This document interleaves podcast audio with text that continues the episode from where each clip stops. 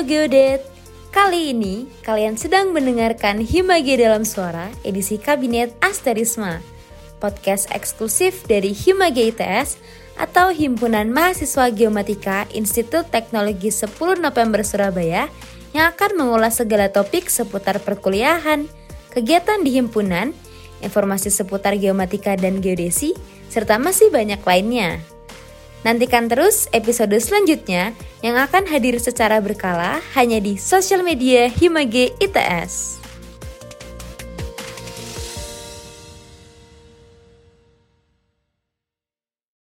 Halo Geodet, kembali lagi di podcast Greeny. Apa sih Greeny itu? Nah, Greeny adalah Greeting Alumni Time, merupakan salah satu agenda baru dari Departemen Hubungan Luar Himage ITS berupa interview atau sekedar ngobrol santai dengan alumni yang tujuannya untuk mengenal lebih dekat dengan mereka dan juga menambah wawasan dan persiapan bagi mahasiswa aktif geomatika terutama dalam melihat dunia kerja. Sebelumnya, perkenalkan aku Salsabila G22 atau dari Teknik Geomatika ITS 2020 yang pada kesempatan kali ini hmm, bertugas menjadi MC pada podcast. Nah, karena Greeny ini mengangkat topik yang keren banget ya, yaitu meraih kesuksesan sesuai passion. Jadi kita mengundang salah satu alumni kita yaitu Mas Jainal Rabinda Manik dari G14 atau Geomatika 2012 yang berasal dari merek Sumatera Utara yang sedang mengembangkan perusahaannya sendiri yaitu Gabe Holti Farm. Nah, mungkin udah cukup kali ya kita intronya. Kita mulai aja ya. Please welcome Mas Jaina Rabinda Manik. Selamat siang, Mas. Siang, teman-teman. Siang. Iya, sebenarnya aku berterima kasih ya Mas untuk kehadirannya mengisi podcast Greeny ini. Sama-sama. Makasih iya. juga udah diundang. Iya. Nah, gimana nih Mas kabarnya Mas? Uh, puji Tuhan baik. Uh, masih masih masih apa? Masih single masih masih bangun usaha juga sama teman-teman. Gitu sih. Kesibukannya sekarang kita usaha tapi di bidang pertanian peternakan. Wah ya ampun. Keren banget ya mas. Ini misalnya nih kan kalau kita nggak ada podcast gini nih weekend kayak gini nih biasanya mas Jena Rabinda nih ngapain nih mas Panggilnya mungkin Jainal oh, aja kali. Oke okay, oke, okay. Mas Jainal ya. Iya. Biar nggak panjang. Iya. Kalau kesibukannya weekend sih biasanya apa? Eh, tadi kita habis lari di pinggir Danau Toba, terus sarapan-sarapan. Nah ini lagi lagi ngerjain beberapa ini report-report anak-anak gitu doang sih. Suasananya lagi cerah ya mas kayaknya mas sampai bisa lari-lari di pinggir danau Ih, keren banget kayaknya ya dekat dari rumah soalnya. oh. Ya, ada air terjunnya, Waduh. ada dananya, ada gunungnya, jadi apa uh, seru lah gitu. Di kampung tuh seru. Iya, kayaknya nih para geodet sedikit iri ya, ya. Karena kan kalau di Surabaya yang dilihat cuma ya jalanan gitu. Sama, waktu di Surabaya juga saya kerjanya emang emang peluyuran terus. Wih. Jadi kita saya dulu sempat tiap minggu ke Bromo. Wih. Gitu. Kadang-kadang kita ke apa motoran sampai Bali. Seru lah, Surabaya tuh seru juga. Eh, iya sih Mas, keren keren Mas ya aktif sekali ya untuk healing-healing sama kuliah. Healing sih mungkin enggak ya, cuman memang apa uh. selalu menyempatkan. Jadi waktu ke Bali tuh kita karena ada project, jadi hmm. saya juga dari maba sebenarnya dari maba loh. 2012 tuh udah ikut ikut senior untuk ngerjain project-project. Terakhir project selama di kampus tuh kita ngerjain yang ini apa di Selat Bali. Kita dulu ada pengukuran batimetri. Wah, keren-keren sih Mas. Mungkin bisa back to topic ya Mas. Aku mau nanya nih, kenapa sih dulu milih kuliah di Geomatika ITS? Oh, kenapa Geomatika? Nah itu agak lucu sih Boleh, boleh diceritakan mungkin? Jadi aku bareng partnerku yang sekarang, which is anak geologi. Kita dulu satu SMA. Dulu yang kita bayangin tuh uh, kita cuman pengen nyari kerjaan yang mungkin kita naik heli ke kerik gitu kan atau di tambang gitu karena emang dulu cuman yang kita pikirin tuh kita list lihat list di internet tuh apa top 10 jobs yang bisa ngasih salary paling tinggi gitu. Nah, salah satunya kan adalah engineer yaitu di bidang geomat atau geologi. Tapi intinya arahnya dulu itu yang kalau nggak mining oil and gas. Itu sih. Jadi kita dulu cuman karena itu doang sih. Jadi pilihannya dulu kalau nggak geologi geofisika ya geomatika. Gitu. Keren sih mas. Gambaran awalnya sih mungkin sama kali ya buat mahasiswa baru yang baru masuk geomat kali ini. Nah, pas setelah masuk geomatika ITS ini apa mas kesan pertamanya gitu? Kayak mungkin di matkulnya kah? Apa kesannya gimana? Kok beda? Apa oh sama sama gambaran awal gitu?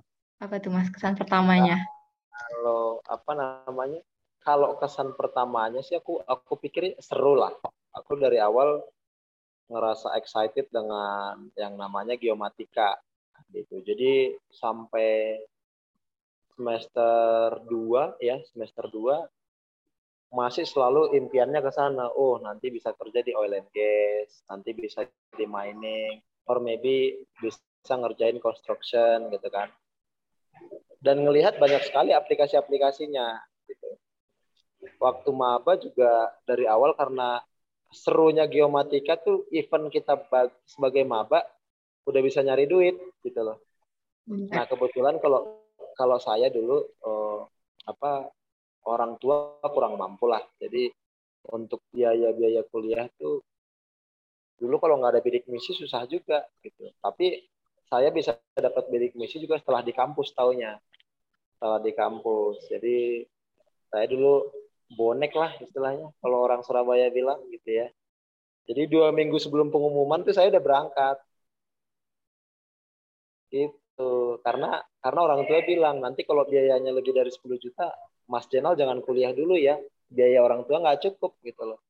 Jadi saya pikir wah daripada daripada saya nggak kuliah, udah belajar maksimal tapi nggak dikasih kuliah juga gitu loh. Nah itu akhirnya putusin berangkat duluan. Biar apa? Nanti kalau udah udah masuk masa sih nggak nggak dibiarin sekolah hmm. atau masa sih dibiarin kelaparan di Jawa gitu loh. Nah, mau mau dijual rumah kayak mau apa terserah deh gitu. Dulu gitu. Jadi apa? Istilah BTL tuh ya dulu saya. Batak tembak langsung tuh. Dari kampung langsung ke Jakarta langsung ke Surabaya. Dan gak ada family dulu. Gak ada sanak saudara di Jawa bahkan kita sebagai inilah di keluarga yang baru pertama kuliah gitu loh. Jadi lumayan banyak keterbatasan lah, tapi tapi juga apa e, seru juga gitu loh. Pertama kali naik pesawat, pertama kali naik kereta dari Bandung ke Surabaya gitu. Dulu awal-awal juga masih masih apa e, neping sama senior. Hmm. Ada G8 tuh Bang Moses namanya. Jadi saya hampir tiga bulan uh, numpang di kosan beliau. Gitu. Seru lah, seru. Yeah. Keren sih. Mungkin semangat dari Mas Jainal ini bisa kita contoh ya Geodet karena emang bener-bener semangat 45 gitu. Nah, ini kan Mas aslinya dari Sumatera Utara nih Mas, terus merantau ke Pulau Jawa. Ada nggak sih Mas kayak kesulitan bahasa atau apa gitu Mas? Kesulitan bahasa agak ini sih pertama-tama mungkin agak agak ngerasa eh, apa ya? Terkejut mungkin nggak terkejut juga tapi eh, wah keren ya orang-orang di sini. Maksudnya even di level kota anak-anaknya tuh bahasa Jawa semua gitu mau dosennya, mau mahasiswanya, kalau kita jajan di warung, semuanya ngomongnya itu bahasa Jawa gitu loh dan dan menurutku itu sesuatu yang keren gitu loh. Nah kalau untuk kendala bahasa ya tipikal orang belajar ya biasanya belajarnya biasanya bahasa yang agak kasar dulu gitu jadi teman-teman teman-teman Surabaya tuh ngajarin saya dulu kalau ada kenal luai kuku gitu ya apa uh, Majedi teman-teman yang lain tuh ngajarinnya justru dulu yang masih agak-agak kasar dulu gitu.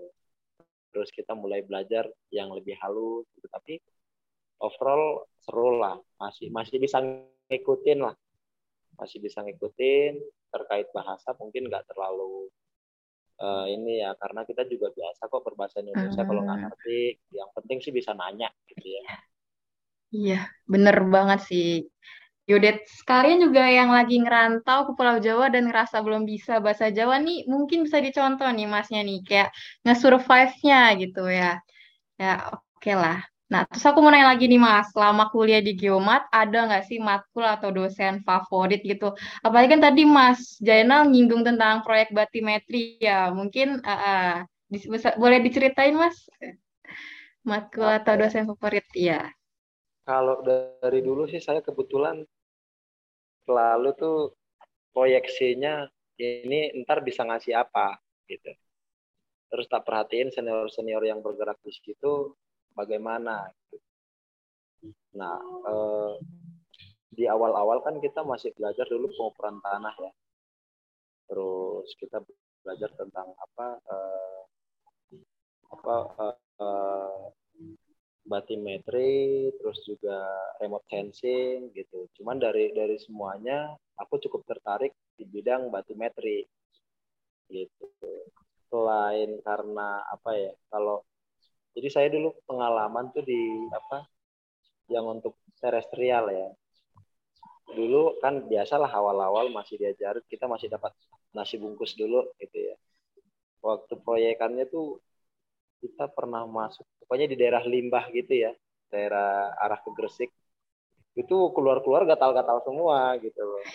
Nah effortnya luar biasa tapi secara apa uh, rewardnya kayaknya masih ada yang bisa lebih bagus gitu loh. Jadi jadilah akhirnya kita mulai sering dulu di batimetri. Jadi saya dulu uh, kerja praktek itu pelindo satu pelindo dua terus tugas akhir pelindo tiga kerja juga kita sempat di pelindo tiga. Ada namanya Ramanda dulu. Jadi kita berdua di situ sempat kerja lah beberapa bulan sebelum akhirnya mutus resign dan pulang kampung. Wah, keren sih Mas. Nah, karena sepak terjang Mas Jainal nih kayak di dunia proyek kan nih udah kayak wah keren banget sih. Ada nggak sih kegiatan lain di kampus Mas kayak misal Mas aktif himpunan atau BEM gitu atau UKM gitu? Ada nggak sih? Kalau BEM dulu saya di apa uh, kebijakan publik kalau di BEM. Saya di kebijakan publik, terus apa uh, kalau di Hima saya nggak terlalu ya tapi tetap ikut lah tapi saya lebih banyak di luar. Terus, saya juga ikut ITS TV namanya dulu. ITS TV kita broadcast lah. Jadi saya biasa dulu dari perpustakaan itu pulang jam 2 pagi jam 3 pagi. Selain karena internetnya kenceng AC-nya ada gitu ya. Tipikal mahasiswa banget lah gitu. Jadi kalau selain itu mungkin ikut juga ada namanya di sana MBP namanya mahasiswa Bonapasogit itu untuk teman-teman yang dari daerah Sumatera Utara. Kita juga ikut komunitas itu terus uh, ikut PMK namanya Persatuan Mahasiswa Kristen. Uh, ikut juga apa uh, saya lebih banyak sebenarnya berkecimpung di bidang yang bisa ngasilin duit sih. Jadi apa kita juga sempat bikin pancake durian. Kita setiap pagi dulu ambil durian dari Medan, apa dari bandara Juanda, terus kita bikin pancake-nya. Biasanya jam-jam 11 kita udah mulai bagi di kampus.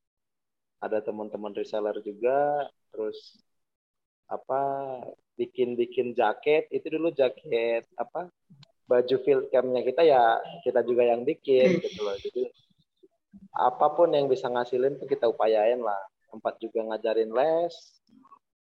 Terus kita sempat bikin taksi juga.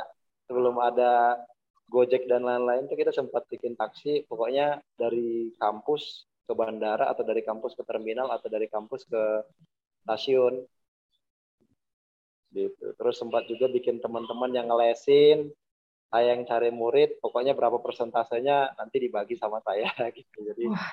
apa mungkin nggak nggak bisa apa jangan diikutin lah ya. Uh, karena dulu kalau ada jatah absen tuh kan ada berapa tuh? Tiga atau empat dulu ya. Itu pasti tak pakai gitu loh. Pasti tak pakai jatah absennya. Jadi apa pun yang bisa tak kerjain di luar biasanya tak kerjain. Ikut Pak Komsin terus juga sempat ikut Pak Akbar. Ikut ke kampus lain juga sempat. Gitu. jadi lumayan inilah. Kita sempat juga kerja di Hirmap namanya. Hirmap itu anak perusahaan Nokia kita dulu di Intiland kerja juga di sana uh, jadi kita kayak ada proses digit gitu ya uh, untuk uh, proses digitalisasi kota Surabaya hampir seluruh Indonesia sih dulu. Itu barang-barang teman-teman Lukman dan dan dan apa Fitri lumayan ramai sih dulu.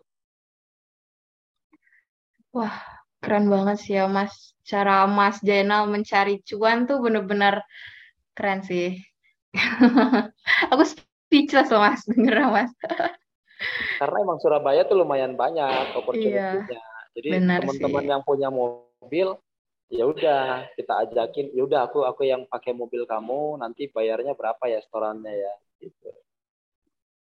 Ya.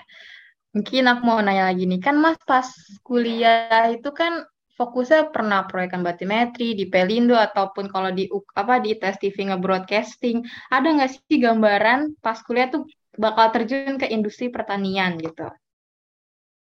Enggak sih, sebenarnya enggak. Apa cuman memang dulu niatnya cuman kita pengen bantuin orang tua ya. Hmm. Eh, orang tua emang udah petani, jadi dulu eh, karena sering jalan-jalan sih sebenarnya, karena sering jalan-jalan kita mulai cari tahu ini apa lahannya nggak luas-luas amat tapi kok sejahtera semua orang-orangnya gitu loh. Akhirnya kita mulai validasi oh mereka ternyata pakai teknologi yang bagus. Terus mungkin juga etos kerjanya juga beda. Benih yang mereka pakai itu sudah melalui proses kultur jaring sehingga kemudian bebas virus bebas bakteri. Nah itu pelan-pelan yang tak validasi mulailah waktu itu saya juga mulai ngirim bibit ke kampung. Dulu saya ambilnya dari Bromo dan apa e, daerah Pujon sama daerah apa e, apa itu yang batu ke atas lagi lah gitu ya. Saya ada lupa nama.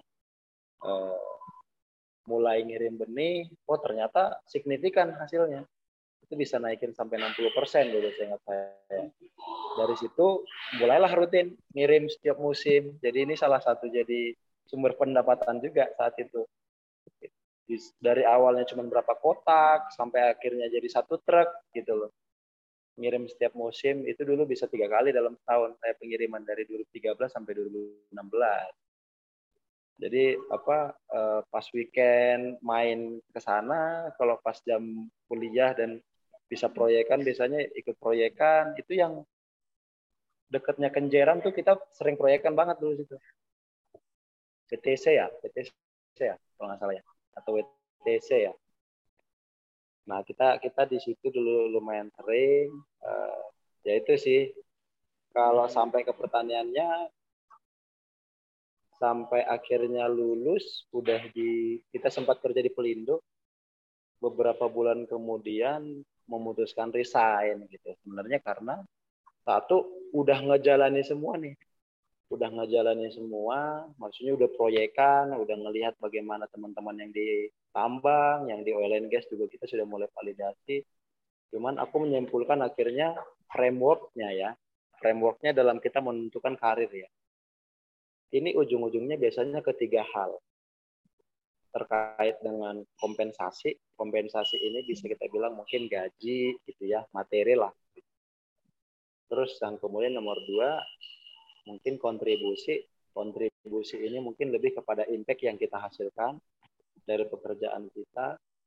Yang ketiga itu connection. Connection itu mungkin antara kita dengan keluarga, dengan partner kita, dengan siapa pun.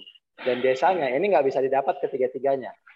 Misal, oke okay lah, misalnya kita dapat apa uh, kompensasi yang baik di mining atau LNG mungkin, tapi kemudian uh, secara kontribusi juga kita mungkin bisa apa eh, menghasilkan eh, minyak atau batu bara yang berguna untuk pembangkit gitu ya.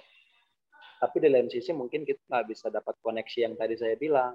Jauh dari keluarga apalagi mungkin apa yang orang tuanya mungkin uh, tidak ada teman tinggal di kampung. Nah jadi akan akan selalu ada yang jomplang gitu loh.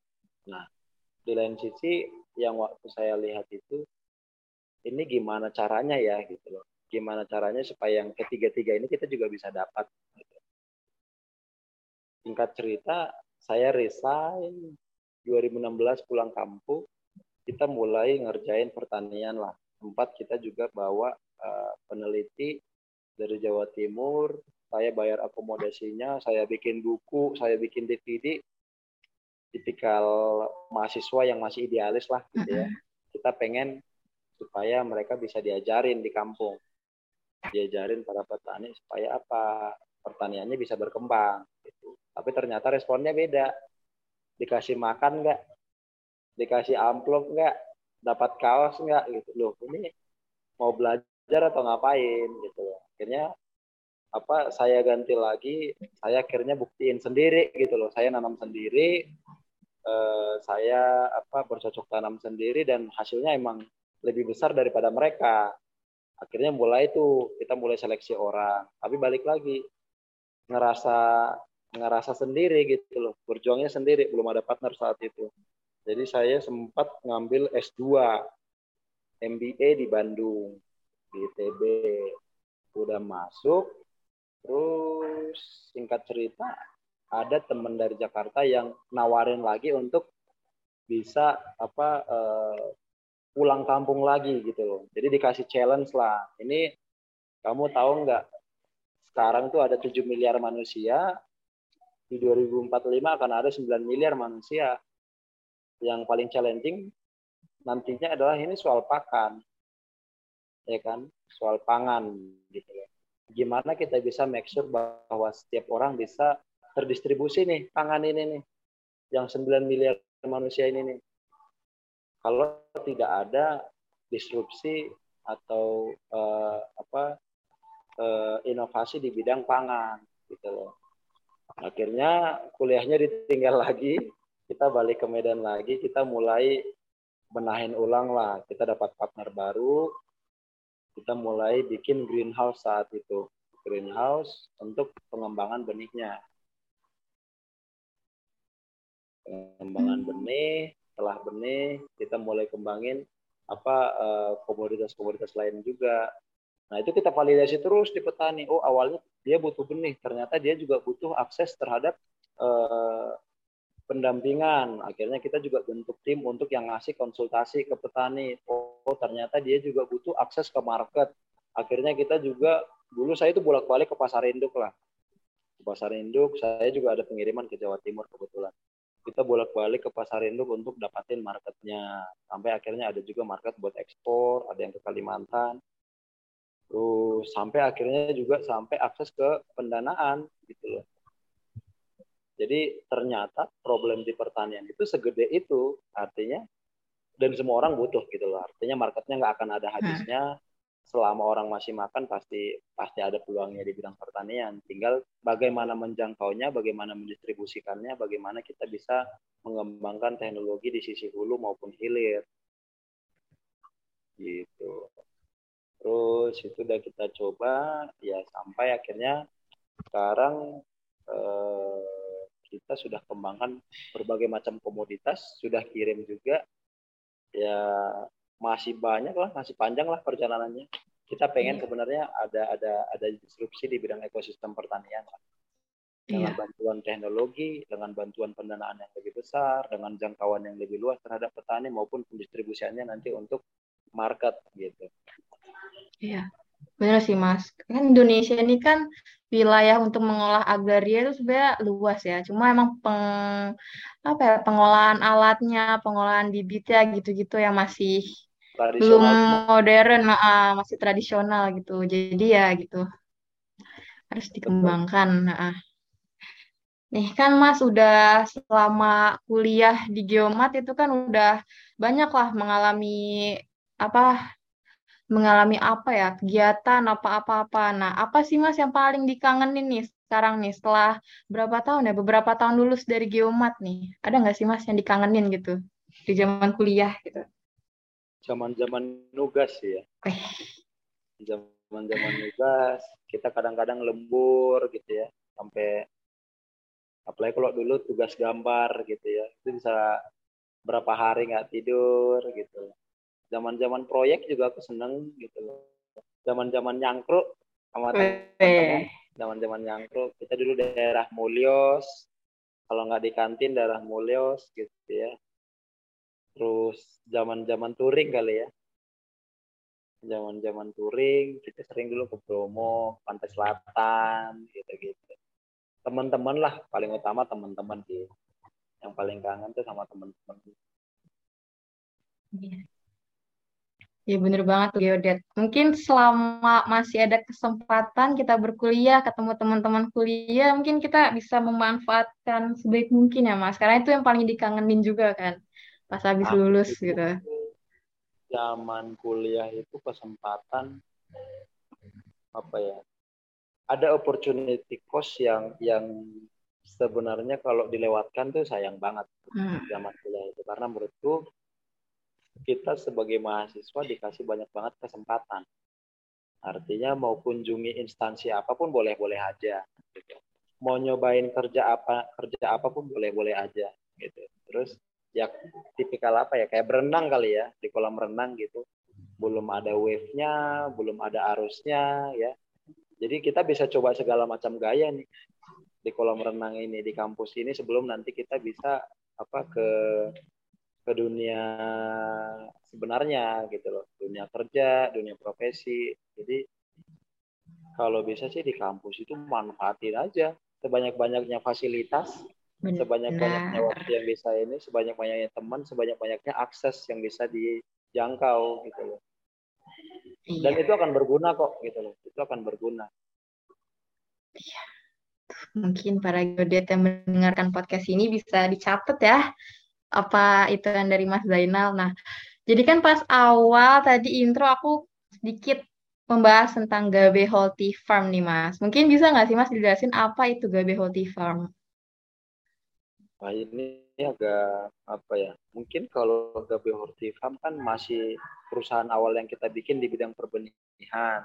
Tapi seperti yang saya bilang tadi, oh ternyata petani ini butuh akses market, butuh akses yang lain, kita juga sempat bikin aplikasi namanya Farmi hmm. cuman ya itu lagi dananya kan gede yeah. kan kecil dan, dan problem yang di solve juga besar yang untuk Farminya sudah ada di Play Store tapi nggak dilanjutin gitu loh jadi memang akhirnya fokus ke apa hal yang lebih esensial dulu terkait budidaya terkait apa uh, kemitraan dengan petani tapi balik lagi apa itu Gabi Hortifam? Kalau Gabi Hortifam itu cuma bagian dari perusahaan yang mengelola benih yang saya ceritain tadi. Hmm. Ada lagi kita punya namanya PT Gabi 30.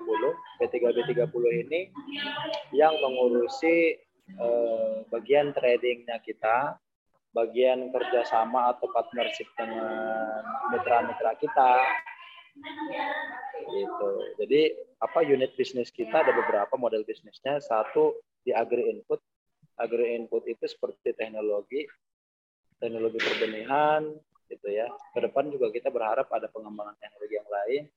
Terus budidaya itu yang kerjasama dengan petani. Kadang-kadang petani ini punya lahan gitu ya, punya lahan tapi tidak bisa mengelola. Itu kami yang mengelola. Nanti tinggal bagi hasilnya seperti apa. Terus yang ketiga, kita ada trading gitu loh. Kita ada pengiriman itu yang rutin dengan berbagai macam komoditas loh. Oh, ternyata cukup complicated ya, Mas. Dari membuat sebuah perusahaan uh, industri pertanian ini. Iya. Jadi kita dari hulu sampai hilir, tapi memang secara porsi kita paling fokus itu di bagian hulunya. Hmm. Untuk komoditasnya nih apa ya Mas komoditas utamanya ini? Dari Kalau ya. komoditas di sini tipikal inilah ya, tipikal dataran tinggi di Indonesia, kubis, wortel, kentang, eh, jeruk, kita juga ada jahe gitu ya. Jadi komoditas yang memang di dataran tinggi yang apa marketnya juga besar. lebih luas kita fokusin di situ hmm.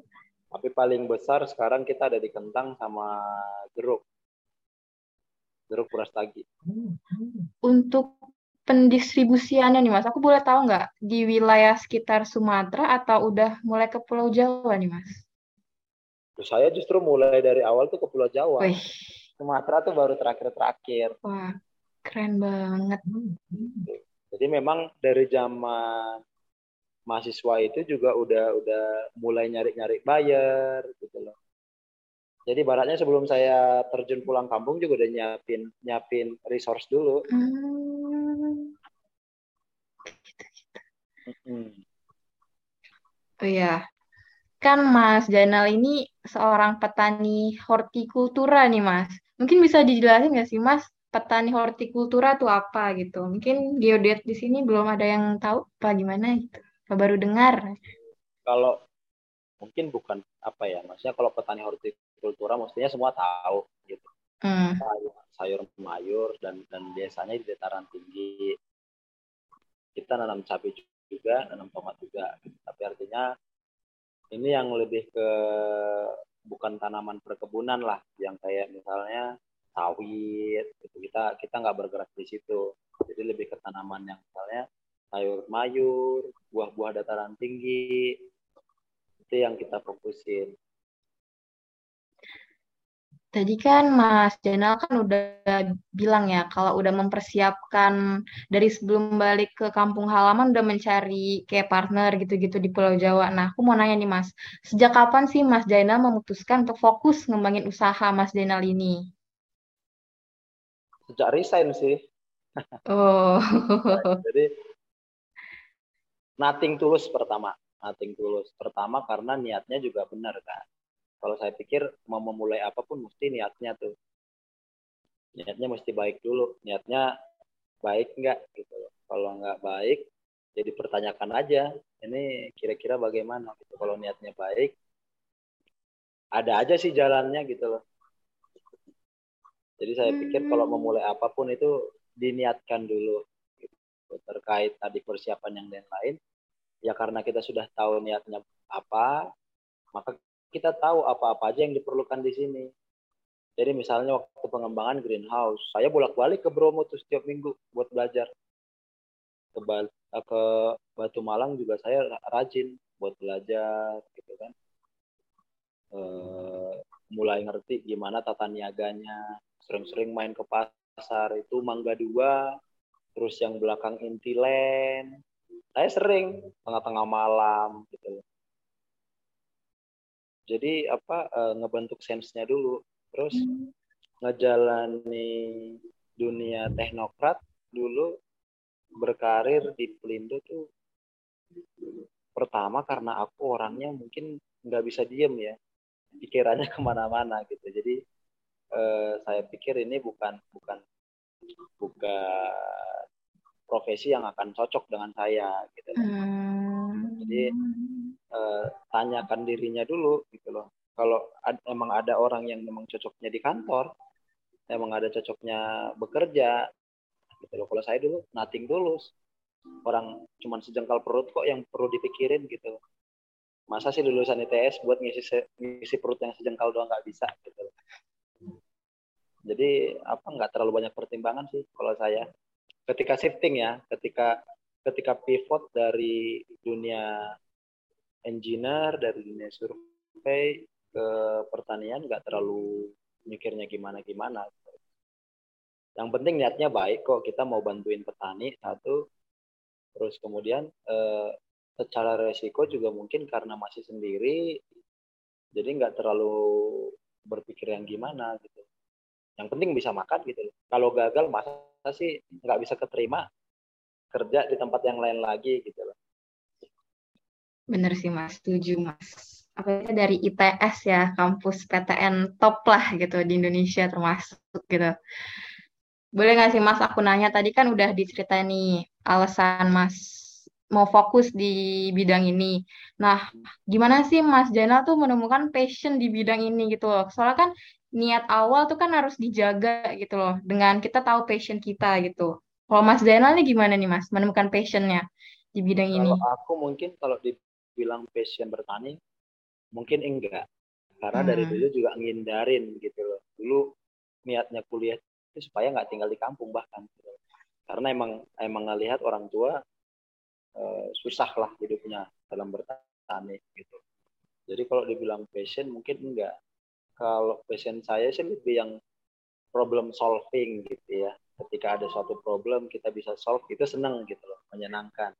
Ketika misalnya apa yang kita kerjakan bisa akhirnya ngasih impact ke orang lain nah itu saya senang ketika misalnya apa uh, simple deh dulu ada petani yang bilang terima kasih ya ini karena benihnya hasilnya lebih produktif ini anak-anakku bisa tetap sekolah aku bisa bangun rumah dan terusnya dan terusnya nah itu itu nggak ternilai gitu loh feelingnya. Dan dan dan itu yang menjadi fuelnya bahan bakarnya kita untuk gerak terus gitu loh. Oh ternyata yang kita kerjakan itu bukan hanya tentang kita loh.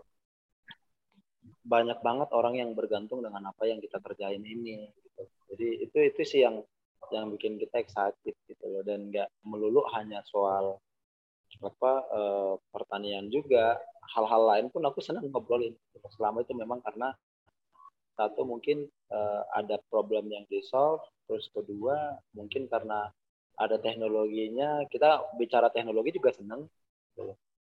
Jadi aku pikir masih terlalu banyak di Indonesia yang bisa kita eh, lakukan inovasi untuk membuat pertumbuhan atau meningkatkan kesejahteraan manusia-manusianya.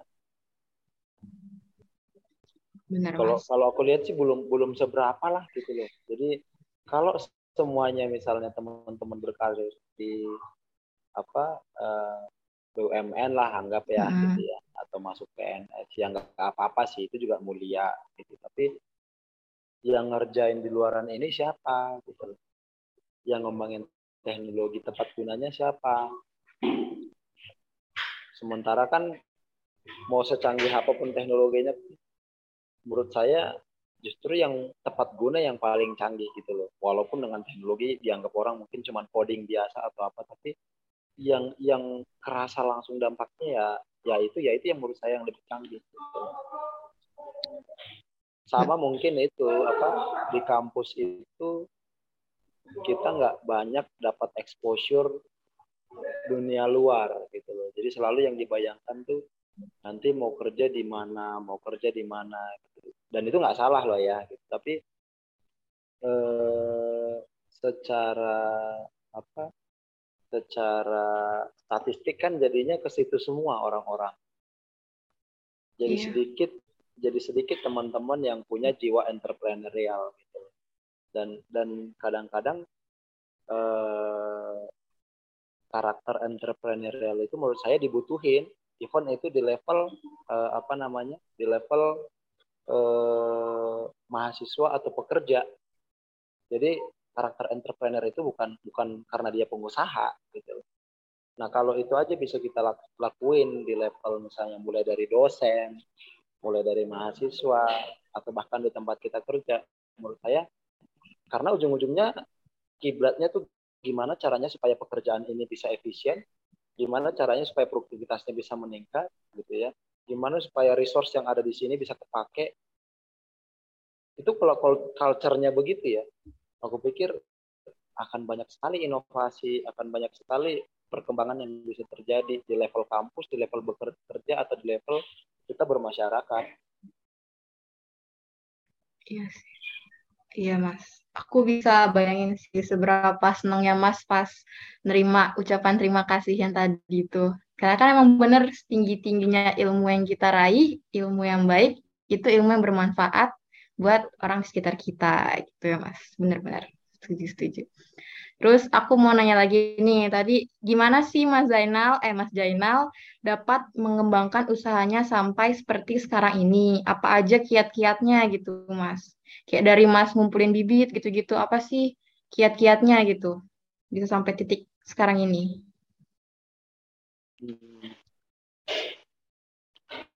Networking sih ya networking. Maksudnya saya juga pulang ke kampung nggak punya lahan, nggak punya duit gitu ya, apa? Networking tadi yang yang yang bikin kita bisa survive gitu loh. Jadi jangan jangan jangan sungkan untuk bergaul gitu loh bernetworking dengan teman-teman. Jangan sungkan juga untuk punya mentor. Jadi pastiin kita punya apa uh, kalau saya ada empat hak gitu. Itu saya dulu ya apa belajar waktu Pak Handri Satriago CEO-nya GE pas ngasih kuliah tamu di ITS tuh. Dia bilang ada empat hak have faith kita mesti percaya bahwa kita di ditempatkan di suatu tempat untuk suatu tujuan yang lebih besar dari Tuhan terus have fight gimana kita bisa berusaha semaksimal mungkin di field atau di major yang dikasih Tuhan ke kita. Yang ketiga itu di apa have friends gitu ya. Pastiin kita punya partner, punya teman, punya tim yang bisa support apa yang kita bisa lakukan, termasuk keluarga. Sama yang terakhir have fun gitu. Jadi sesulit-sulitnya pekerjaan, kalau kita tetap bisa enjoy itu pasti feelingnya beda.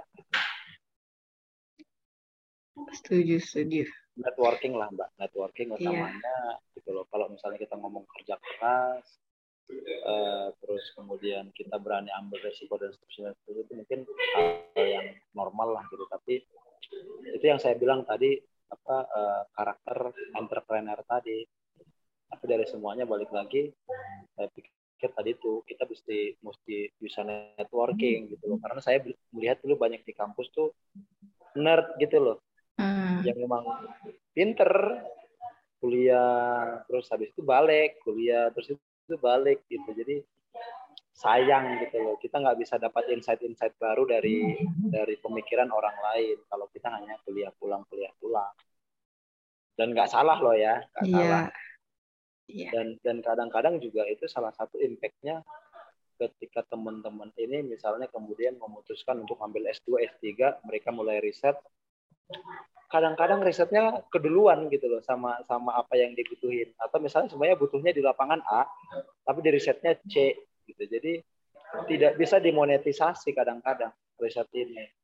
Nah karena apa? Mungkin eh, apa nggak turun nggak ngobrol sama masyarakat atau apa saya nggak tahu ya tapi saya pikir kalau kita bisa apa juga nantinya bisa melakukan riset yang best practice mungkin udah udah lebih uh, advance lagi perkembangannya. Setuju sih mas, network is important. Bener-bener paling penting dari kita mau ngembangin sesuatu ya networknya gitu. Terus aku mau nanya lagi nih mas, susah senangnya dalam merintis bisnis pertanian ini apa mas? Susah senangnya.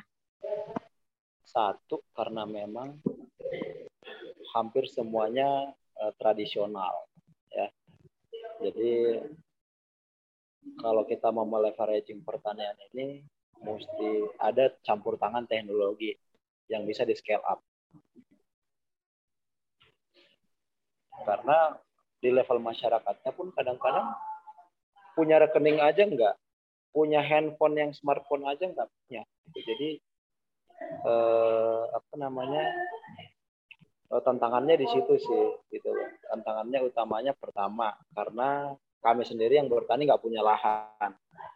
Jadi segala kapital yang kami peroleh dari misalnya penjualan kami di trading sedikit-sedikit kami kumpulkan untuk apa menyewa lahan.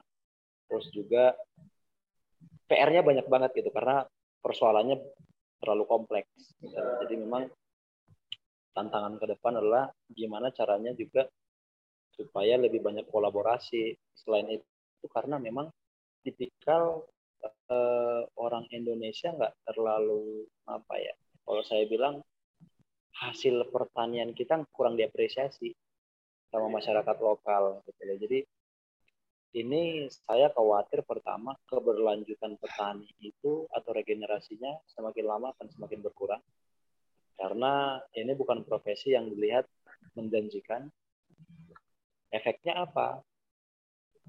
No farmers, no food, no business gitu loh. Dan dan ke depan sebenarnya kalau teman-teman sadar gitu loh atau pemangku kebijakannya sadar, ini penting banget sebenarnya gitu loh. Itu kayak backbone-nya, tulang punggungnya uh, apa uh, sebuah negara ya salah satunya adalah kemandirian pangan itu. Bukan artinya nggak butuh teknologi segala macam ya maksudnya dibilang survei tetap dibutuhin. Tapi ya layaknya manusia lah ya pangan sandang papan gitu ya. Kan sebenarnya dari tiga hal itu kita mulai pengembangan ke bawah-bawahnya benar-benar setuju sih. Mungkin ya diharapkan ke depannya tuh pemerintah juga mungkin lebih lebih menaruh perhatian lebih kayak Mas, biar kayak petani-petani ini tuh lebih ikut zamannya gitu, jadi modern gitu, apa mungkin disediain apa-apa gitu. Apa mungkin dari selama ini tuh ah kampus juga gitu loh misalnya. Saya dulu misalnya belajar ARGIS gitu ya. Ya. Atau misalnya kita belajar remote sensing atau bahkan misalnya di level uh, apa uh, administrasi tanah gitu ya. Nah, gimana caranya supaya eh, di level kita lah misalnya teman-teman lagi atau teman-teman apa eh, dari kampus tuh mikir kira-kira yang kami kerjakan ini bisa impact langsung nggak ya ke petani, hmm. termasuk nanti di pekerjaan gitu. Enggak pun petani atau apa teman-teman profesi yang lain lah gitu. Yes. Jadi misalnya, oh kalau aku misalnya bikin penelitian, penelitian misalnya tentang sebaran tanaman atau perubahan iklim atau apa pun itu, ini kira-kira impact-nya bisa langsung dirasain orang-orang nggak? Data yang aku kasih nanti atau hasil penelitian aku kasih bisa impact langsung nggak? Jadi kalau bisa sih arahnya ke sana gitu loh, bukan hanya karena canggih-canggihan. Iya. Jadi kalau bisa segala sesuatu yang kita lakukan udah based on impact di masa depan yang bisa kita uh, generate melalui pekerjaan ataupun penelitian kita. Iya, benar-benar setuju setuju. Nah, untuk ke depannya nih Mas, seperti apa sih plan bisnis dari Mas Jainal itu? Wah, kalau saya panjang, mimpinya panjang gitu. Apa? Kalau hanya menjadi apa istilahnya? Kalau orang kampung bilang oke okay, gitu ya oke okay, gitu ya nggak tertarik sama sekali hmm. nggak tertarik sama sekali gitu jadi saya justru emang pertama mimpinya tuh kita sama partner kita bisa menjangkau dulu kita ngobrolnya tuh kita bisa nggak ya menjangkau sampai sepuluh ribu petani dua puluh ribu petani dan seterusnya gitu padahal petani kita itu lebih dari 30 juta orang berprofesi sebagai petani.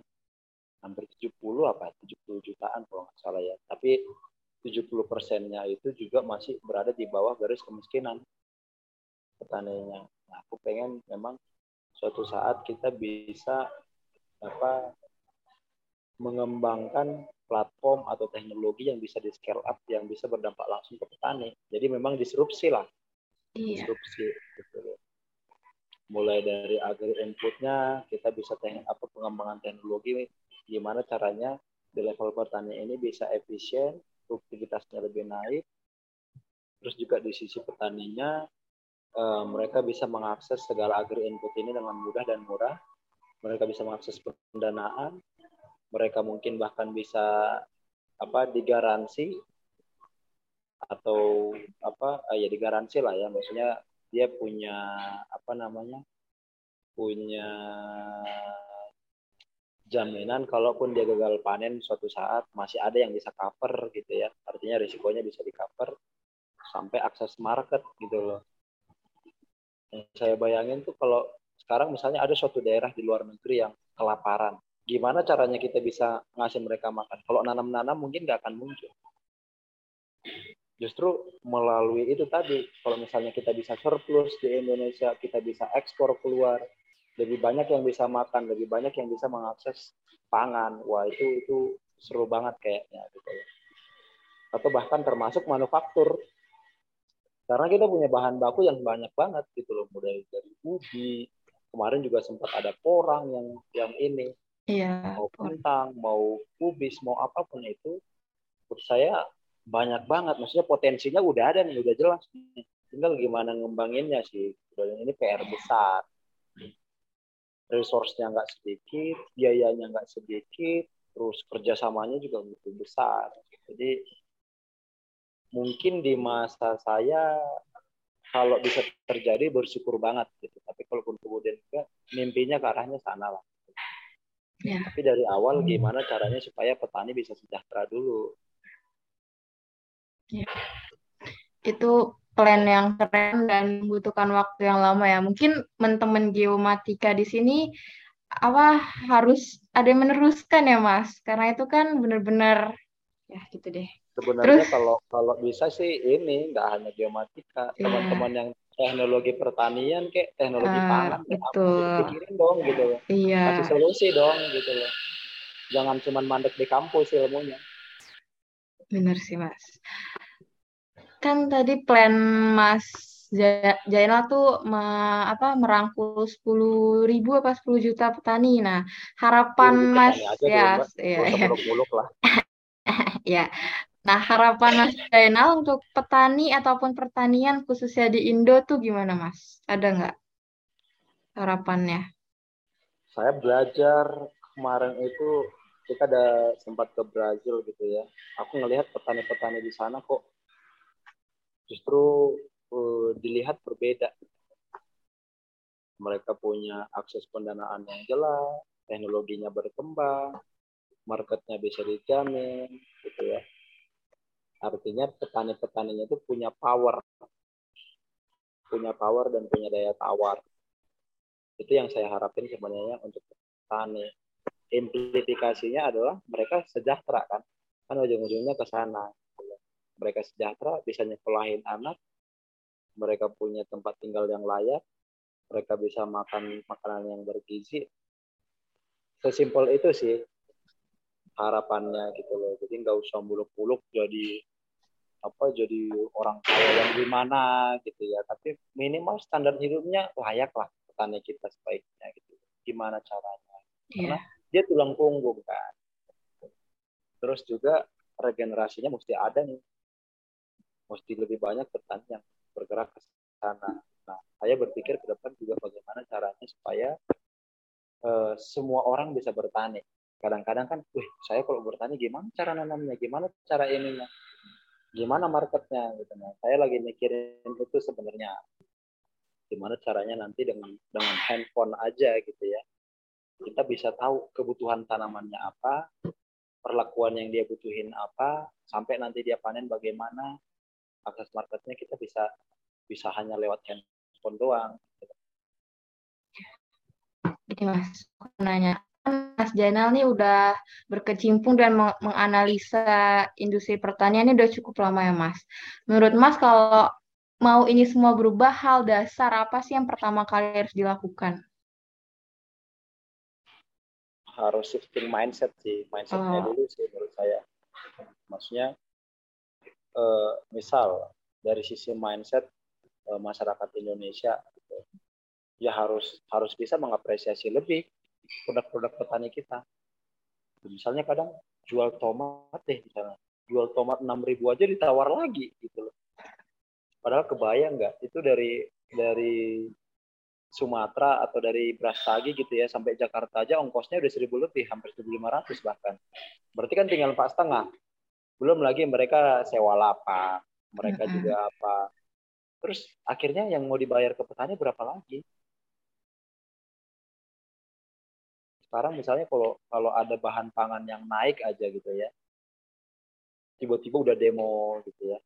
Jadi sebenarnya petani juga pengennya lebih ke stabil sih. Artinya di sisi konsumen juga tidak memberatkan tapi di sisi petani juga ini enggak enggak kayak gambling gitu loh. Wah mudah-mudahan nanti kita tanam ini berhasil mudah-mudahan mahal gitu loh. Jadi bertani itu jadi nggak berbisnis gitu loh. Iya.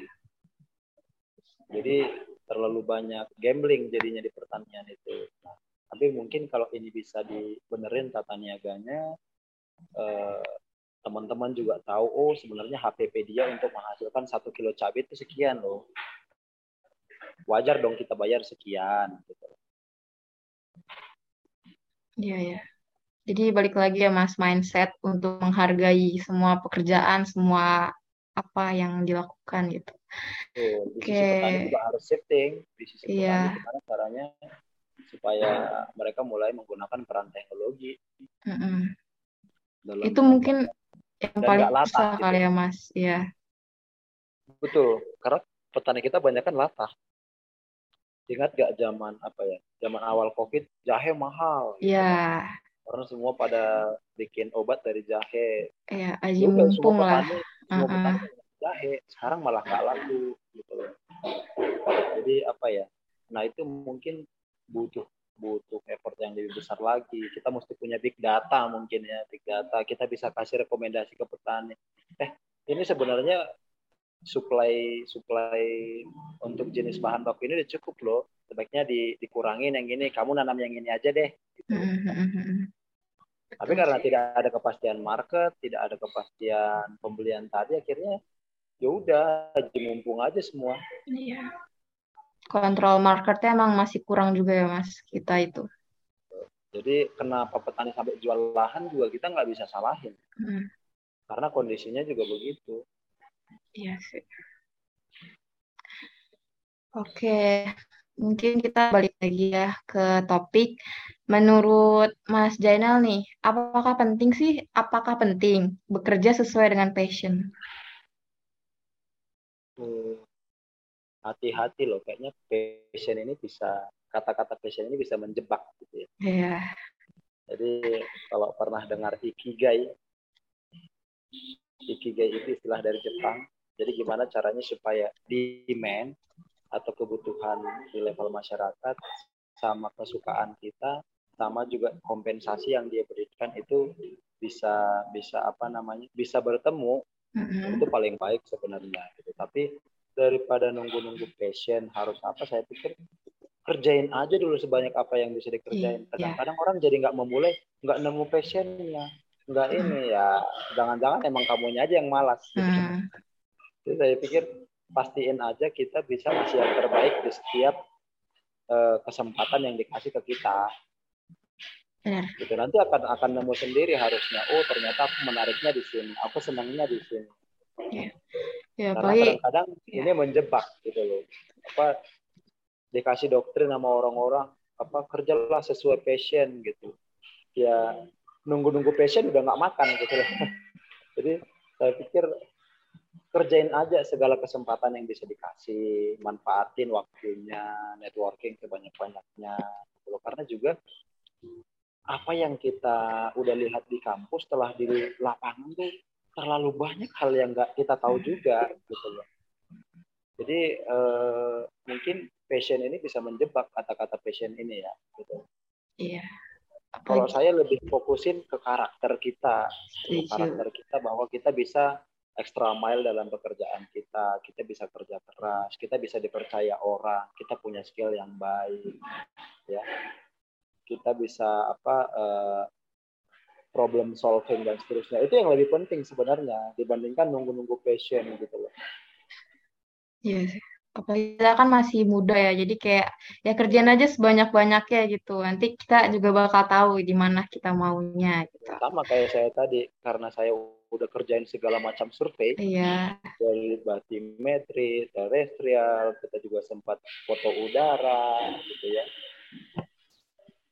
pertama aku jadi nemu oh aku kerja di batimetri sama kerja di apa pengukuran tanah sehari di batimetri bisa perbandingannya 10 hari di ini loh. Hmm. Tanya secara kompensasi. Karena apa? Karena nyoba. Iya. Tapi coba pernah nggak nyoba. Aku passionku di terestrial. Ya udah terestrial aja nggak pernah pindah-pindah ke mana-mana. Nggak tahu, nggak tahu hal itu kan. Atau misalnya aku nggak nyoba pertanian dari dulu. Ya aku nggak tahu juga masalahnya segede ini, ya kan? Opportunity-nya juga segede ini. Aku nggak akan tahu kalau aku nggak nyobain itu. Benar-benar. benar. Nah, menurut Mas, apa aja sih kunci kesuksesan itu? Nah, kalau saya sendiri sih belum merasa sukses ya. Iya. Uh, cuman balik lagi ke value value teman-teman.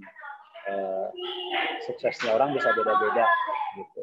Apa ada orang yang memang butuh fame, butuh dikenal banyak orang. Kalau udah dikenal banyak orang ya dianggap sukses atau ada emang orang yang pengen fokus memberikan dampak ke orang sekitar gitu ya tapi buat saya eh, kalau kita kemudian menilai sukses itu karena materi, karena karir yang ini, rasanya kok jadinya nggak fair gitu loh. Jadi saya pikir eh, ketika kita bisa menikmati apa yang kita kerjakan, mau besar skalanya sebesar apa pun, mau kecil, menengah sampai besar, atau ketika kita bisa bersyukur dengan apa yang kita kerjain, menurut saya itu udah di level sukses ya, hmm. gitu ya.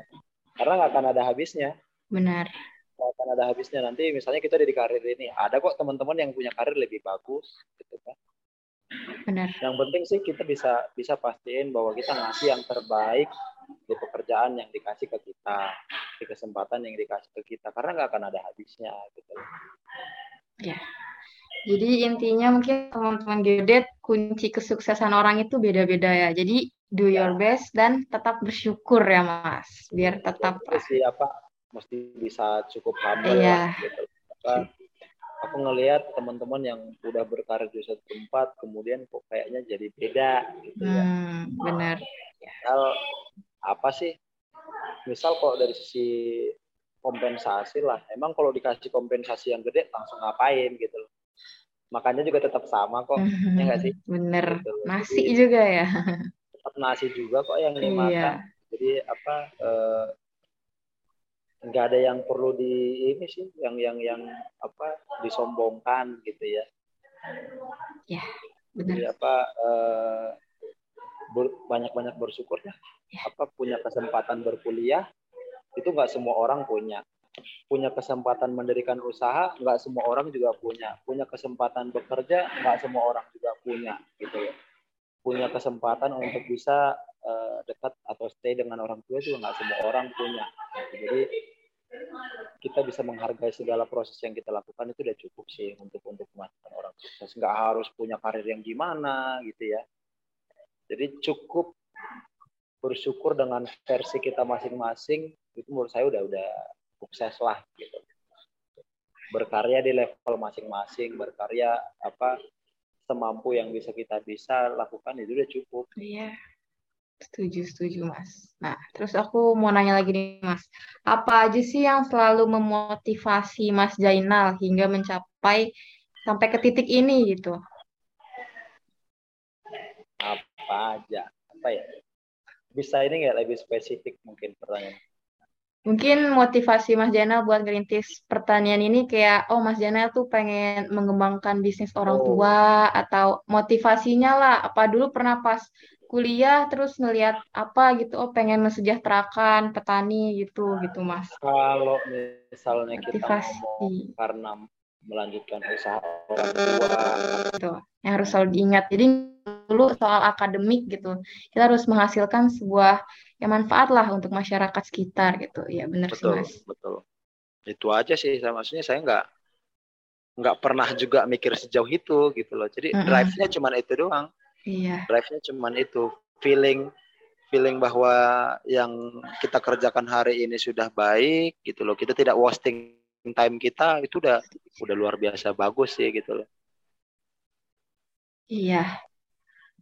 Gini Mas, tadi kan kita udah ngobrolin tentang industri pertanian udah panjang banget nih Mas. Ini ada pertanyaan titipan katanya untuk saya boleh nanya nggak mas? Kayak penghasilannya kira-kira berapa tuh mas? Dari mas ya uh, boleh nggak tuh mas? Kalau jadi pengusaha itu kalau kita ngomong penghasilan ya iya rekening saya tuh kadang-kadang bisa lebih kecil dari rekening mahasiswa waduh tapi lusanya juga tiba-tiba bisa apa di level mungkin yang kalau saya kerja dulu di zaman Pelindo 10 kalinya atau lima apa atau 20 kalinya gitu loh. Hmm. Tapi besok juga bisa tiba-tiba turun lagi gitu. Jadi eh, secara income mungkin kita tidak stabil. Cuman kita juga sekarang kan sudah mensetkan supaya perusahaan yang kita bangun juga itu mesti profesional. Kita misalnya sebagai direktur ya nggak boleh juga kita klaim bahwa apa yang dihasilkan sama perusahaan hari ini itu sepenuhnya punya kita gitu loh. Jadi gamenya nggak begitu. Intinya motivasinya kalau berusaha karena uang ya karena penghasilan jangan deh gitu. hmm. memang efek sampingnya adalah punya penghasilan cukup tapi kalau motivasinya ke sana akan akan kehabisan apinya duluan gitu loh. Atau tujuannya misalnya jadi unicorn gitu. Itu apa hmm. ala ala startup sekarang gitu. Yeah. itu jangan mulai deh. Gitu. Kalau saya emang karena sebel gitu karena emang gatal gitu ya ngelihat ada masalah ini mau di solve gitu loh. Iya. Gitu. Maksudnya simple simple aja deh. Misalnya kalau pengusaha ini tak kasih ini misalnya di bidang survei misalnya yeah. ya. Iya. biasanya cost itu ya cost itu kan kalau di survei paling kita alat terus kemudian uh, surveyornya. Ya kan? Itu kan ada rate gajinya ada rate alatnya. Nah standarnya kalau misalnya kita lihat apa uh, project-project misalnya gitu ya. Zaman kami dulu proyekan misalnya satu hektar itu dulu setiap kami survei kami bisa ajuin biaya surveinya satu setengah sampai dua juta. Seingat saya dulu ya, mungkin sekarang udah beda lagi. Itu aja kaliin. Nah, kalau misalnya aku boost produktivitasnya selama sebulan bisa menjangkau market 50 hektar aja misalnya. Berarti bisa generate 100 juta. Ini misalnya di bidang survei, nggak harus karena pertanian, jadi jadi hasilnya lebih gitu loh. Atau misalnya kita bisa bikin teknologi yang tanpa harus alat-alat ke sana kemari gitu kan. Uh -huh. Tapi juga lebih presisi misalnya. Itu itu mungkin secara cost jadi bisa kita turunin jadi cuma 500 ribu tapi jangkauannya lebih luas jadi yang saya bilang tadi itu mindset entrepreneurship-nya yang harus dibentuk gitu loh tapi yang pasti kalau dibandingkan dibandingin salary udah pasti salary orang yang berusaha lebih banyak. Karena high risk high risk apa high reward high risk gitu loh. Ya mungkin kalau teman-teman misalnya di, di apa di kantor pegawai negeri misalnya ya itu udah udah udah pakem. Kamu mau berusaha seperti apa hasilnya segini ya. Gitu dan dan besar kecilnya angka ini kan masing-masing beda. Iya tinggal tinggal lihat aja diri kita gitu loh aku tipikal yang di mana nah kalau saya saya bilang seperti tadi itu saya balik lagi kalau kalau angka pendapatan saya nggak terlalu yang ini gitu loh. Walaupun itu targetnya ada selalu harus meningkat, harus berkembang gitu loh. Tapi karyawan kami aja sekarang per hari itu rata-rata 30 sampai 50 orang yang setiap hari bekerja. Terus kita punya yang saya bilang tadi itu ada tradingnya, ada ada greenhouse-nya, ada budidayanya. Jadi bayangin aja omset yang diputar gitu loh. Semakin besar omset yang kita putar, let's say tadi di di apa? di di survei misalnya. Kalau kita bisa putar omset satu miliar aja misalnya. Anggaplah kita bisa generate margin di angka 5% aja. Berarti kan dari 50 juta. Gitu loh. Nah, itu itu gimana caranya bisa sampai ke sana? itu yang mesti belajar belajar terus gimana scale up usahanya gimana naikin omsetnya gimana naikin penjualannya gimana membuat sistem perusahaannya bisa jalan gitu iya jadi intinya jadi entrepreneur tuh apa ya maksudnya uang itu nggak stabil tapi seenggaknya kita jadi kepala atau penggerak gitu ya mas dari apa yang kita itu iya. ya, lagian gini loh. Perusahaan itu itu based on survei ya lima tahun pertama aja ya itu 95% failed loh. Hmm. gitu. Jadi memang nggak nggak mudah. Dan itu nggak diajarin di sekolah gitu loh. Gimana kita mengakses uangnya gimana kita bisa memarketingkan produk yang bisa kita hasilkan gimana kita kemudian apa mengorganisasi tim kita gimana kita bisa berhubungan dengan bank mungkin atau dengan venture capital atau apa pun yang bisa mengakses pendanaan. Itu nggak diajarin di sekolah kadang-kadang. Jadi apa atau di kampus. Jadi memang eh, ya mesti ini gitu loh. Dan dan kalau memang mau berkaca gitu ya ya orang yang punya wealth atau atau network paling besar di Indonesia lah anggap ya ya pasti pengusaha Simpel itu aja gitu kan. Yang networknya paling tinggi di Indonesia siapa? Ya yang punya Jarum, yang punya Bank Mega, Citicorp gitu kan. Dan pengusaha-pengusaha lainnya atau misalnya Pak Sandiaga Uno. Jadi mereka itu pengusaha, bukan bukan karyawan kan? Iya. iya. Sama nih aku kepikiran pertanyaan Mas Menurut Mas kan Mas selama kuliah tuh udah ikut proyek ke mana-mana, udah kerja ke mana-mana juga. Ada nggak sih apa hal dari geomat ini yang bisa kita kembangkan di pertanian Banyak. ini? Wah, Banyak. apa tuh Mas? Uh, satu hal petani itu butuh lahan. Tapi kemudian bagaimana mengidentifikasi lahan ini sebenarnya cocoknya ditanami apa atau ketinggiannya bagaimana, luasannya seperti apa. E, menurut saya major kita bisa melakukan itu, mengidentifikasi. Terus kemudian kita bisa tahu sebaran tanaman itu gitu loh. Di mana lahannya, kapan ditanam, proyeksi panennya bagaimana. Ini bisa jadi salah satu pendukung big data tadi yang saya bilang. Terus mungkin di level BPN juga uh, uh, masih banyak uh, apa tanah-tanahnya petani itu belum belum apa namanya misalnya belum di disertifikatkan gitu kan. Hmm. Bagaimana kemudian kita bisa menemukan teknologi biar prosesnya nggak lama gitu loh. Kayak selama ini kan kita harus bawa total station mungkin atau misalnya bawa GPS segala macam. Bagaimana nih supaya eh, survei terestrialnya bisa bisa masif misalnya.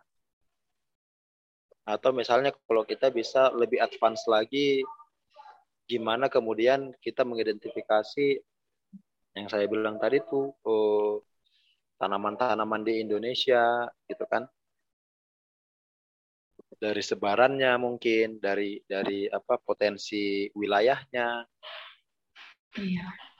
Banyak sih banyak lah gitu Mungkin setelah mendengar jawaban Mas Jainal tadi, apa teman-teman teknik geomatika ini kepikiran ya buat tugas akhir sebuah riset yang bisa ya terkait pertanian dan, gitu dan ya. Itu, dan itu langsung impactful kan. Iya, benar banget.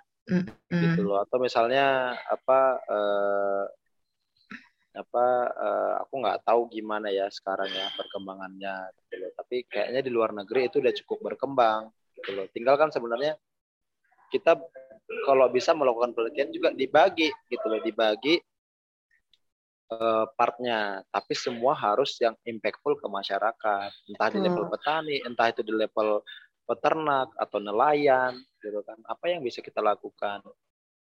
Ya, betul betul betul. Atau di bidang teknologinya juga bisa kan gitu kan. Ya. banyak kok teman-teman zaman saya kuliah itu yang udah jago-jago coding hmm. gitu ya. Hmm. Tapi ya berhenti di situ doang jadinya. Mungkin karena balik lagi kali ya Mas, kayak mindset di Indonesia ini jadi petani tuh nggak sekeren kayak petani di luar negeri gitu ya. Balik betul, lagi mindset betul. yang tadi. Iya. Makanya harus dirubah dulu mm -hmm. gitu loh. Kita mesti sadar dulu bahwa ini sesuatu yang penting sebenarnya yeah. walaupun kelihatannya sekarang nggak seksi gitu. Banyak bayangin aja deh, maksudnya sesimpel misalnya penduduk Surabaya berapa sih? Mungkin 10 juta gitu ya. 10 kalau kita mau hitung hitung potensi ekonomi aja ya, 10 juta kalau misalnya dia makan beras aja, beras anggap 10 ribu misalnya. Itu udah berapa? Udah dapat ratusan miliar loh per hari yang di yang dikonsumsi. Belum lagi sebelum nyampe ke apa di di di meja makan orang-orang, di ladang ini sebelumnya bagaimana prosesnya? Ya kan? Telah bisa menyerap berapa orang. Di sini aja untuk satu komoditas itu bisa menyerap per musimnya itu 100 sampai 200 orang loh bekerja. Artinya kalau kita ngerjain ini tuh multi efek. Multi efek ada orang banyak yang bisa bekerja, ada banyak di kota yang bisa makan, ya kan? Iya. Jadi dan, enggak dan, dan mata rantainya besar. Iya, benar. Jadi enggak hanya bisnis juga kayak menyediakan lahan pekerjaan juga lah gitu betul, ya Mas. Betul. Nah, saya paling senang itu salah satunya itu ketika ngelihat banyak yang bisa kerja yeah. entah itu di gudang, entah di ladang, itu aku senang gitu loh. Mm-hmm. Iya. Mungkin aku mau nanya nih Mas, pesan Mas Jainal untuk mahasiswa aktif geomatika nih. Hmm. Apa tuh? Mungkin yang saya bilang tadi sih, jangan cuman kuliah pulang kuliah pulang. Manfaatin segala fasilitas yang kita bisa peroleh selama jadi mahasiswa. Akses semua yang sekiranya kita rasa bisa menjadi batu loncatan kita di eh, masa nanti kita bekerja itu akan sangat berguna gitu loh jadi apa IPK itu cuma sementara tapi kalau kemudian kita bisa nemuin partner kita bisa nemuin apa mentor relasi. di situ relasi bisnis atau relasi tempat kita potensi bisa bekerja manfaatin aja semua. Saya dulu bahkan nggak kepikiran ke luar negeri pun saya langsung urus paspor misalnya. Karena saya tahu begitu saya jadi mahasiswa banyak banyak situs yang bisa saya akses yang mungkin orang lain tidak bisa akses atau harus berbayar itu satu misalnya atau banyak pameran atau banyak seminar yang harus kita bisa ikut itu ikutin aja semua saya pikir. Yang penting arahnya saya mau ke mana gitu loh. Jadi bayangin yang saya bilang tadi kayak kayak kolam renang gitu loh. Cobain segala gaya segala gaya. Cobain segala apa kedalaman yang kita rasa kita masih mampu untuk hadapin sebelum kita nanti bisa pindah ke dunia nyata, dunia pekerjaan, dunia profesional. Berani nyoba sih, berani nyoba. Yeah. Berani nyoba, berani ambil resiko, bisa punya networking yang lebih luas, itu menurut saya sesuatu yang haruslah kalau bisa ditanamkan dan dan jangan lupa tanamkan dari sekarang uh, karakter entrepreneur itu di dalam diri teman-teman. Iya.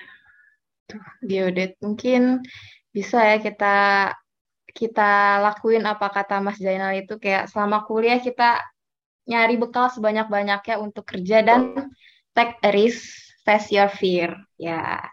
Mungkin itu penghuju eh, apa pertanyaan terakhir ya Mas dari podcast ya. kali ini. Ya. Iya, aku mau ngucapin terima kasih ya Mas udah menjawab pertanyaan-pertanyaan dari aku, udah mau menyanggupi lah gitu podcast ini. Iya. Siap, siap, siap. Ya. Iya. Ya, Mas, aku ucapin terima ya. kasih ya. untuk teman apa uh, apa uh, Himagi ini departemen apa ya? Hubungan luar, Mas. Oh, hubungan luar. luar. Jadi apa? Ya salah satunya kayak begini gitu loh. Apa uh, ketika bisa ikutan di hublunya bisa punya kesempatan ngobrol sama alumni. Jadi uh, apa kita nggak tahu besok hidup apa enggak gitu tapi apa hmm. yang bisa kita kerjain hari ini yeah. manfaatin sebaik-baiknya gitu jadi waktu itu nggak hanya uang kalau menurut saya yang paling mahal dari semuanya itu ya saya waktu gitu karena begitu lewat kita nggak bisa ambil kembali Betul jadi banget. gimana kemudian kita benar-benar bisa memanfaatkan waktu yang kita punya kesempatan yang kita punya peluang yang dikasih nah itulah menurut saya definisi sukses tadi karena setiap kesempatan yang ada kalau kita bisa memanfaatkan dengan baik ya mudah-mudahan ya bisa berbuah yang baik juga ke depannya. Benar. Benar sekali. Setuju sih Mas itu aku Mas. Aku juga lagi berusaha kali ya kayak Mas apa selalu ngambil resiko apa pun itu di ya. kuliah ya. jangan jadi kupu-kupu banget gitu. Dan dan berusaha ngambil positifnya lah maksudnya. Iya. Di setiap komunitas, di setiap himpunan pasti akan ada sesuatu yang misalnya ada oknum yang kurang kerja hmm. atau segala macam ambil ambil positifnya aja kalau kita masih bisa kerjain ya kita kerjain kalau emang nggak bisa minta tolong yang lain yeah. jadi punya growth mindset itu penting yeah. bisa bisa ngelihat sesuatu positif dari tiap masalah ataupun peristiwa itu penting betul betul, betul. gitu iya mas setuju setuju mungkin sesi selanjutnya kita bisa diabadikan kayak ya dengan Mas Jainal Gimana Jul? SS Jul. Oke. Oke Mas, saya ambil foto.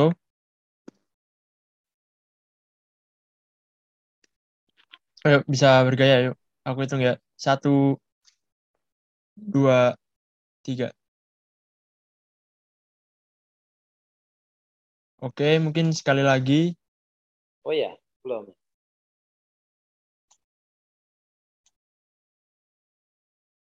Ya, sekali lagi. Satu, dua, tiga. Oke, aman. Oke, makasih Mas Jainal. Mungkin kita bisa cukupkan sama mungkin bisa di lain kesempatan kita bisa ketemu langsung ya, kali ya Mas. Ya, uh, ya mudah-mudahan ada waktunya, mudah-mudahan mm. apa masih ada kesempatan lain untuk kita bisa ngobrol-ngobrol, sharing-sharing. Uh, uh, itu sih keep in touch saja sih yang penting. Ya, mungkin Himage bisa road to Danau ya, Toba gitu nanti ya boleh, kan? Boleh, boleh, gitu. Kalau bisa juga mungkin ya teman-teman juga mulai bisa apa cari tahu gitu ya cari tahu alumni kita di mana-mana aja sih. Menurut saya masih banyak yang jauh lebih keren gitu loh. Coba aja cari tahu dulu gitu dan dan pasti ada pelajaran yang bisa kita petik dari mereka. Iya. dan dan kami juga mungkin para alumni pengen belajar juga satu sama lain. Cuman mungkin yang yang GG atas kita udah lost kontak nih padahal sebenarnya mungkin kalau lah misalnya ini power kita bisa dikumpulin cukup signifikan kan? Gitu loh. Kita bisa bikin apa? Rame-rame misalnya. Entah itu gerakan misalnya untuk bantu ke atau misalnya bahkan kita bisa bikin satu perusahaan misalnya bareng-bareng semua alumni semua punya shareholder di situ. Kemudian kalau ini bisa menghasilkan bisa ngasih dividen ke teman-teman bisa ngasih dividen ke kampus misalnya bahkan gitu. jadi saya selalu percaya dengan dengan apa uh, culture-nya Indonesia yang namanya gotong royong. Nah kunci gotong royong itu ya kesatuan. Nah gimana caranya Himagi itu bisa bisa bareng-bareng gitu loh, bisa bisa apa eh, bangun bersama gitu loh. Kalau sendiri kan nggak mampu, skalanya sebesar apa sih? Tapi kalau kolaborasi bisa gede banget tuh. Benar sih Mbak. Eh benar sih Mas, kita harus kerja sama lah. Apalagi dengan apa tujuan yang sangat besar ini kan. Tujuan uh, ya. Siap siap siap. Ada lagi? Okay. mungkin sekian kali ya teman-teman geodet. Ya buat Mas Jenal makasih. Dan buat teman-teman geodet makasih udah yang mau dengerin podcast ini sampai akhir.